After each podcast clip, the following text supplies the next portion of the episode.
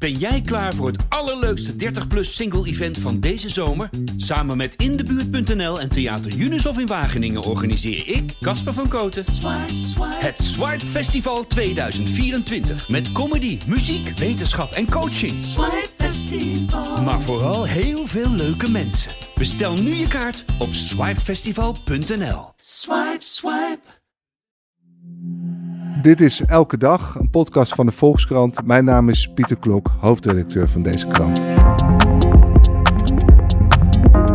Argentinië gaat zondag naar de stembus voor de tweede ronde van de presidentsverkiezingen. De regeringskandidaat Sergio Massa staat daarin tegenover de luidruchtige liberaal Javier Milei, die zich liefst laat fotograferen met een kettingzaag. De eerste stemronde pakte heel anders uit dan door opiniepeilers werd voorspeld. Wie zijn de kandidaten en waarom stemden de Argentijnen zo anders dan gedacht? Dat bespreken we uitgebreid met onze correspondent in Latijns-Amerika, Joost de Vries.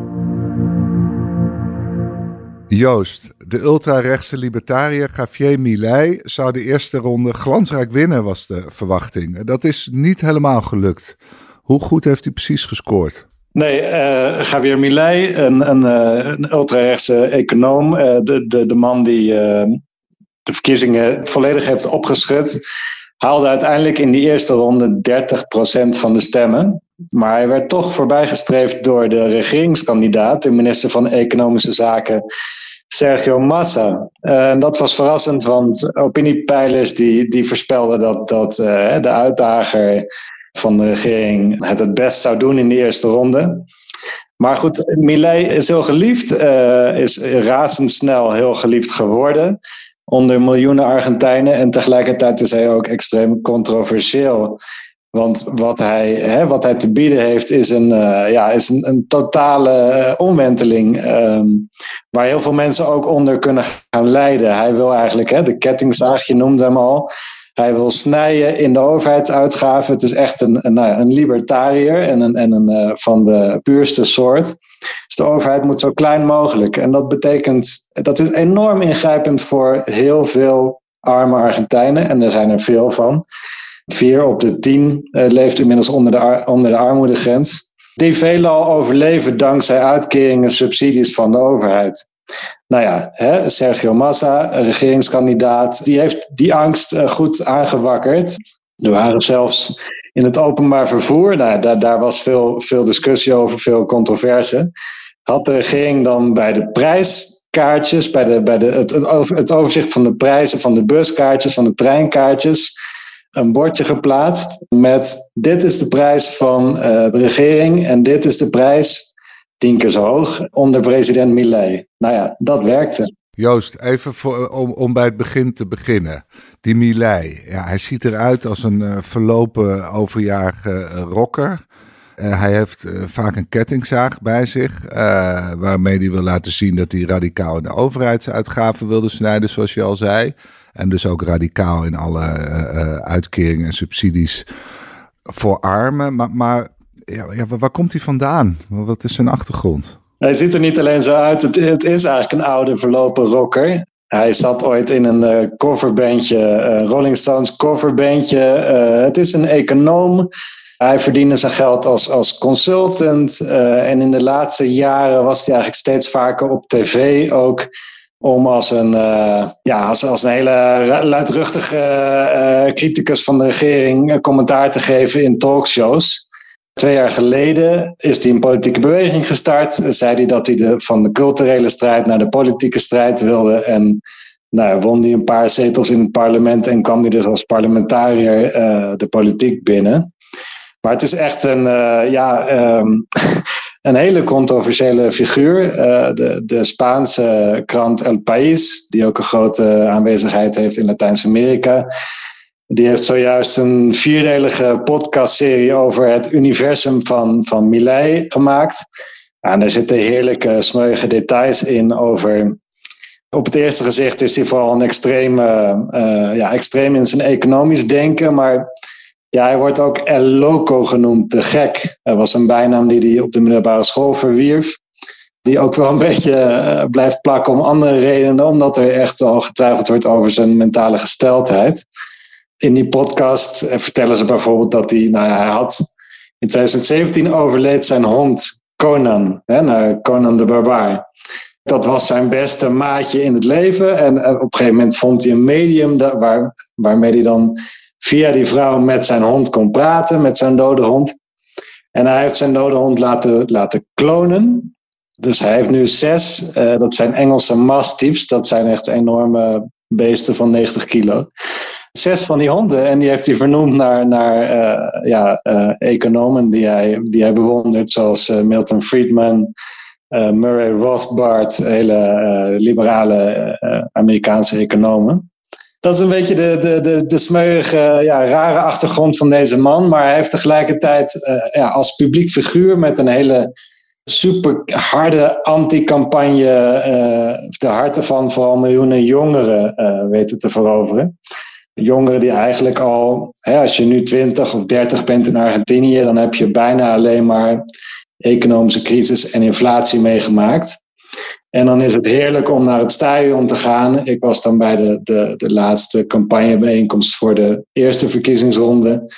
En om daar ja, inderdaad een soort oude rocker te zien die, met wie je kan meebrullen met zijn, met zijn liederen tegen de gevestigde orde, dat is natuurlijk een enorme, enorme bevrijding. Maar het is bijna een soort revolutionair eh, elan waar hij aan appelleert. Van het gaat al jaren slecht met Argentinische. Heel veel mensen verlangen gewoon naar, naar iets radicaals. Maakt niet uit wat. Ja, ja, ja. Hij, hij belooft eigenlijk de hele boel op te blazen. Hè? Die, die bijeenkomst begon ook met een, uh, op een groot scherm, uh, enorm scherm. Uh, minutenlang ontploffingen, atoombommen, gebouwen die instorten. Wij gaan de wereld opblazen uh, en, en op de puinhopen bouwen wij een nieuw vrij Argentinië, Libertad. En op een gegeven moment komt hij dan op met wapperende handen. En uh, ja, hij ziet er nog steeds, ondanks dat hij nu een stylist heeft, ja, smoetsig uit. het blijft een oude rocker. en dan, ja, hij komt op en denkt, nou, hij gaat een speech geven. Maar het eerste wat hij doet is dat hij een lied begint te brullen in de microfoon. Ik ga daar even een, slechte impressie van geven, maar er gaat zoiets als: Yo soy el león. Ik ben de leeuw, hè? ik ben de koning van de verloren wereld. Nou ja, en iedereen ja, gaat, gaat, wordt helemaal gek. enorme energie die vrijkomt. Ze heeft ook iets theatraals. Enorm theatraal, jazeker, jazeker. Ja. En zeker als je wat meer over die persoon te weten komt, dan is het ook de tragiek dat hij een soort, hè, met die, die woedende persoonlijkheid, wat een beetje een, een, een, eh, een podiumpersoonlijkheid is, uh, daarin vindt hij dus een, een uitlaatklep, ook voor zijn eigen, hè, dat is een beetje psychologie van de koude grond, maar zijn eigen uh, tumultueuze verleden met een vader die hem sloeg en die heel hard voor hem was. Terwijl hij ook wel door, door mensen in zijn omgeving wordt omschreven als nou ja, dat hij eigenlijk altijd een rustige, uh, respectvolle man was voordat hij een publiek figuur werd. Oké, dus hij speelt ook een rol. Maar heeft hij mensen om zich heen, uh, om te beginnen een gezin of, of uh, andere politici die hem misschien kunnen helpen op het moment dat hij de, de macht krijgt? Nou ja, hij, hij, is een loner, nu niet, nu niet meer dus, maar dat is hij wel altijd geweest. Zijn meest hechte band is met zijn zus. Carina, die tegelijkertijd ook zijn campagneleider eh, was, is. Nou, inmiddels heeft hij zich wel dus omringd met allerlei, uh, ja, allerlei rechtse denkers, um, die hem ook deels beïnvloeden in zijn, uh, in zijn opvattingen. En die opvattingen zijn daardoor ook niet alleen meer economisch van aard. Hij is ook opgeschoven uh, richting ja, harde nationalistische rechtse opvattingen. Uh, hij heeft een kandidaat voor het vicepresidentschap, Victoria Villarruel. En zij is dochter van een, een, uit een militaire familie. En zij is iemand die heel erg, nou ja, heel erg de misdaden van de dictatuur uh, bagatelliseert.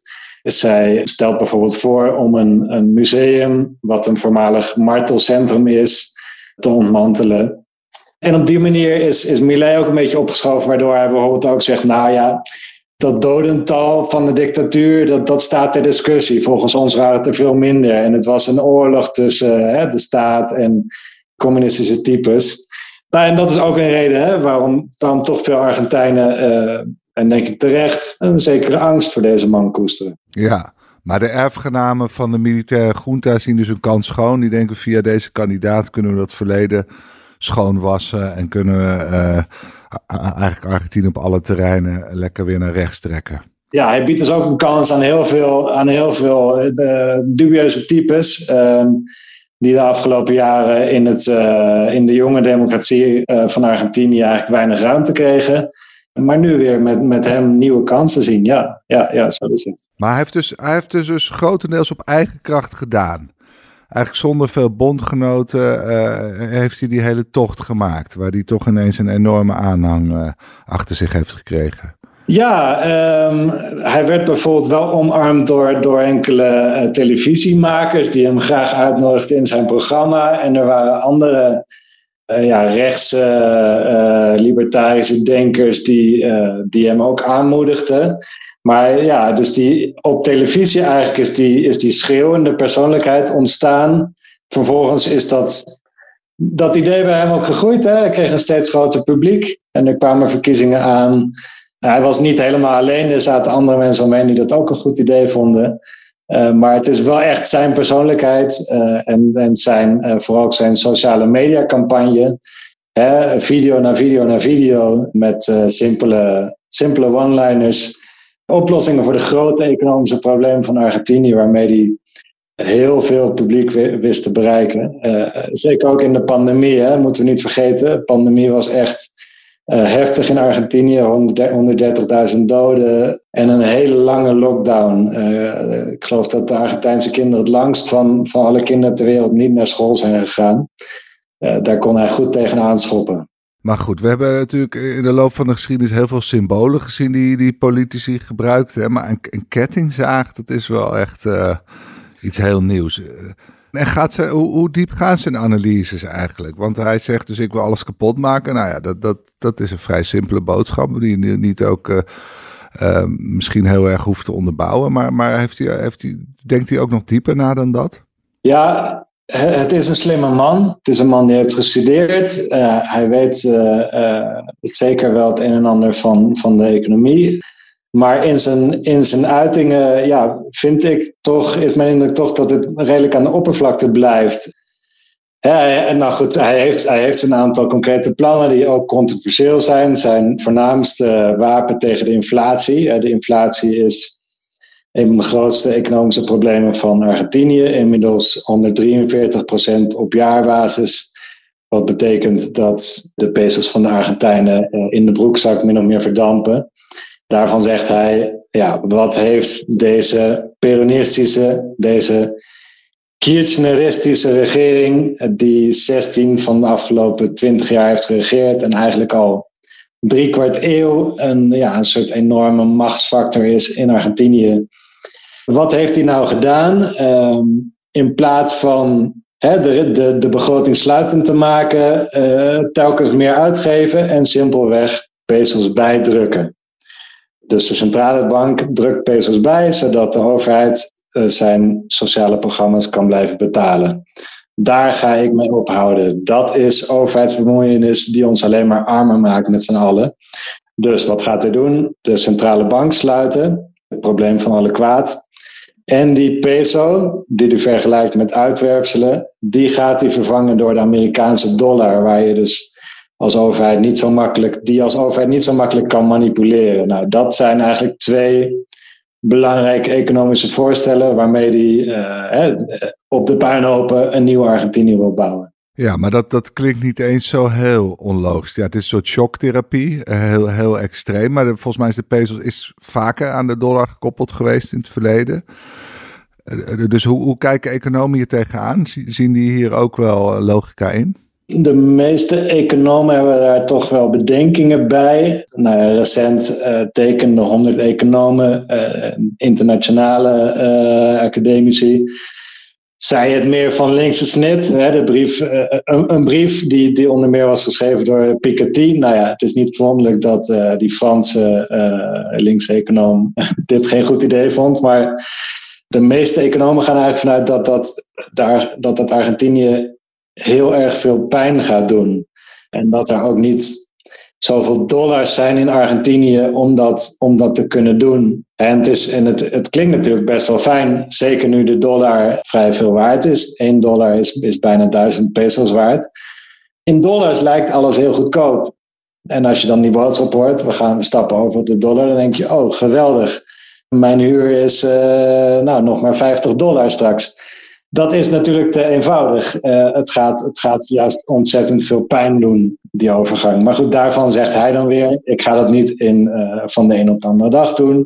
ga langzaam de peso uitfaseren en de dollar invoeren. 140% inflatie. Joost, uh, wat moeten we ons daarbij voorstellen? Wij hebben 10% gehad kort vorig jaar. Dat vonden we al vrij pijnlijk en leidde toch ook tot onrust. Maar 140, wat doet dat met de samenleving?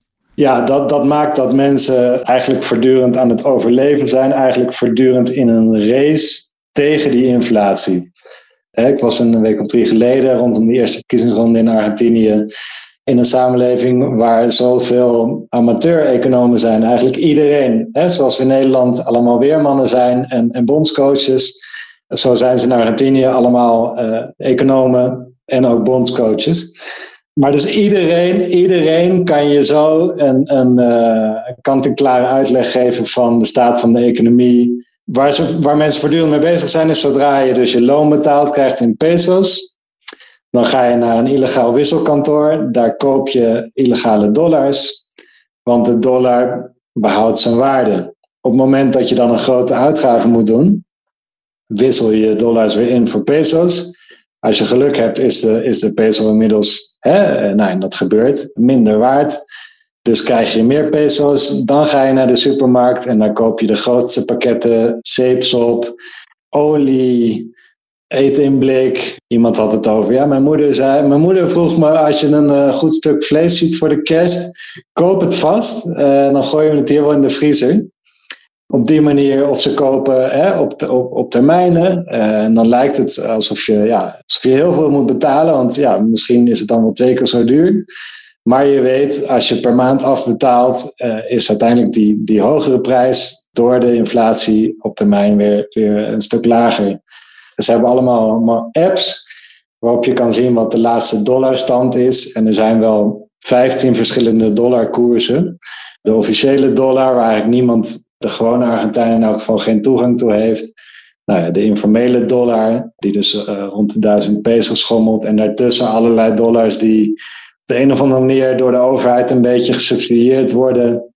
Bijvoorbeeld toeristendollar. Dus als je, als je als toerist iets koopt in Argentinië, dan betaal je met de officiële dollarkoers, wat dan weer relatief duur is voor een toerist. Maar krijg je later weer wat terug op je creditcard. Nou ja, het zijn hele gekke systemen. Hetzelfde voor, voor een Netflix-abonnement is dan weer wat goedkoper. Uh, noem maar op. Het, het, het is echt een, een, een knotsgekke situatie. Maar, maar elke Argentijn kan je het tot in detail uitleggen. Maar hoe groot is de kans dat de regeringskandidaat Sergio Massa, dus die de eerste ronde eigenlijk verrassend won, door een soort angst uh, aan te wakkeren dat Milei uh, alle sociale uh, uitkeringen zou stopzetten. Hoe groot is de kans dat, dat, dat die massa de, de tweede ronde wint? Ja, tussen die eerste en die tweede ronde is het spel eigenlijk helemaal veranderd. en, en het is op dit moment razend spannend. peilingen voorspellen een nipte overwinning voor Milei. Wat toch wel weer heel knap is, omdat hij dus 7 procentpunt achter Massa stond. Uh, wat er eigenlijk op duidde dat hij dan bijna alle stemmen nodig had van die andere rechtse kandidaat die het dus niet redde, Patricia Boric. Maar uh, meteen na die eerste ronde uh, moest dus Massa, een, een, een, man die wordt gezien. En dat is ook super intrigerend. Hè? Komt in geen enkel land ter wereld voor dat een economieminister van een gehate regering het nog vrij goed doet ook, maar dus als presidentskandidaat het opneemt tegen een superrechtse econoom. Uh, nogmaals, het is een bizarre situatie. Maar goed, Massa, die wordt gezien als een, als een, een centrumpoliticus binnen, binnen die linkse coalitie. Die moest ook weer opschuiven nog meer naar het midden, of zelfs een beetje rechts van het midden, omdat hij dus rechtse kiezers nodig heeft om die meerderheid te halen. Dus hij heeft het plotseling over, hè, over orde, over veiligheid, over, uh, nou ja, toch wat neoliberale economische ideeën. Uh, ruimte voor bedrijven, et cetera. En tegelijkertijd Millet, die moest een, een, een, een alliantie aangaan met klassiek rechts. Een stroming die volgens hem ook bij die uh, vervloekte politieke kasten hoort. En politici die hij ook de huid heeft volgescholden, dat zijn nu zijn beste vrienden. Dan gaat het dus om Boric, maar ook om voormalig president Mauricio Macri, die dat befaamde, beruchte, enorme uh, schuldpakket met het IMF heeft gesloten van 44 miljard dollar. Waar die Argentijnse economie ook nog steeds onder zucht. Nou ja, dus die twee kandidaten schuiven op naar het midden. Uh, Milei moet, moet zaken doen met mensen die hij heeft vervloekt. Maar het lijkt toch te gaan werken. Of in elk geval wordt het heel erg spannend. Het, het is echt een dubbeltje op zijn kant. Goed, nou, eh, dus Argentinië is een land wat laat zien wat, wat eigenlijk decennia lang uh, uh, slecht bestuur uiteindelijk kan aanrichten. Joost, mag ik jou heel erg danken voor je uitgebreide uitleg. Geen dank.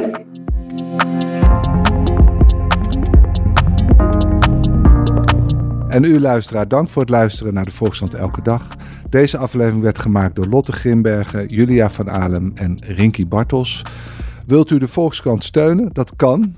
Vooral door een abonnement te nemen. En dat kan u voordelig via volkskrant.nl slash podcastactie. Want deze podcast is gratis, maar onze journalistiek is dat niet. Morgen zijn we weer. Tot dan. Ben jij klaar voor het allerleukste 30-plus single-event van deze zomer? Samen met Indebuurt.nl en Theater Junushof in Wageningen organiseer ik, Casper van Koten, het Swipe Festival 2024. Met comedy, muziek, wetenschap en coaching. Swipe Festival. Maar vooral heel veel leuke mensen. Bestel nu je kaart op swipefestival.nl. Swipe, swipe.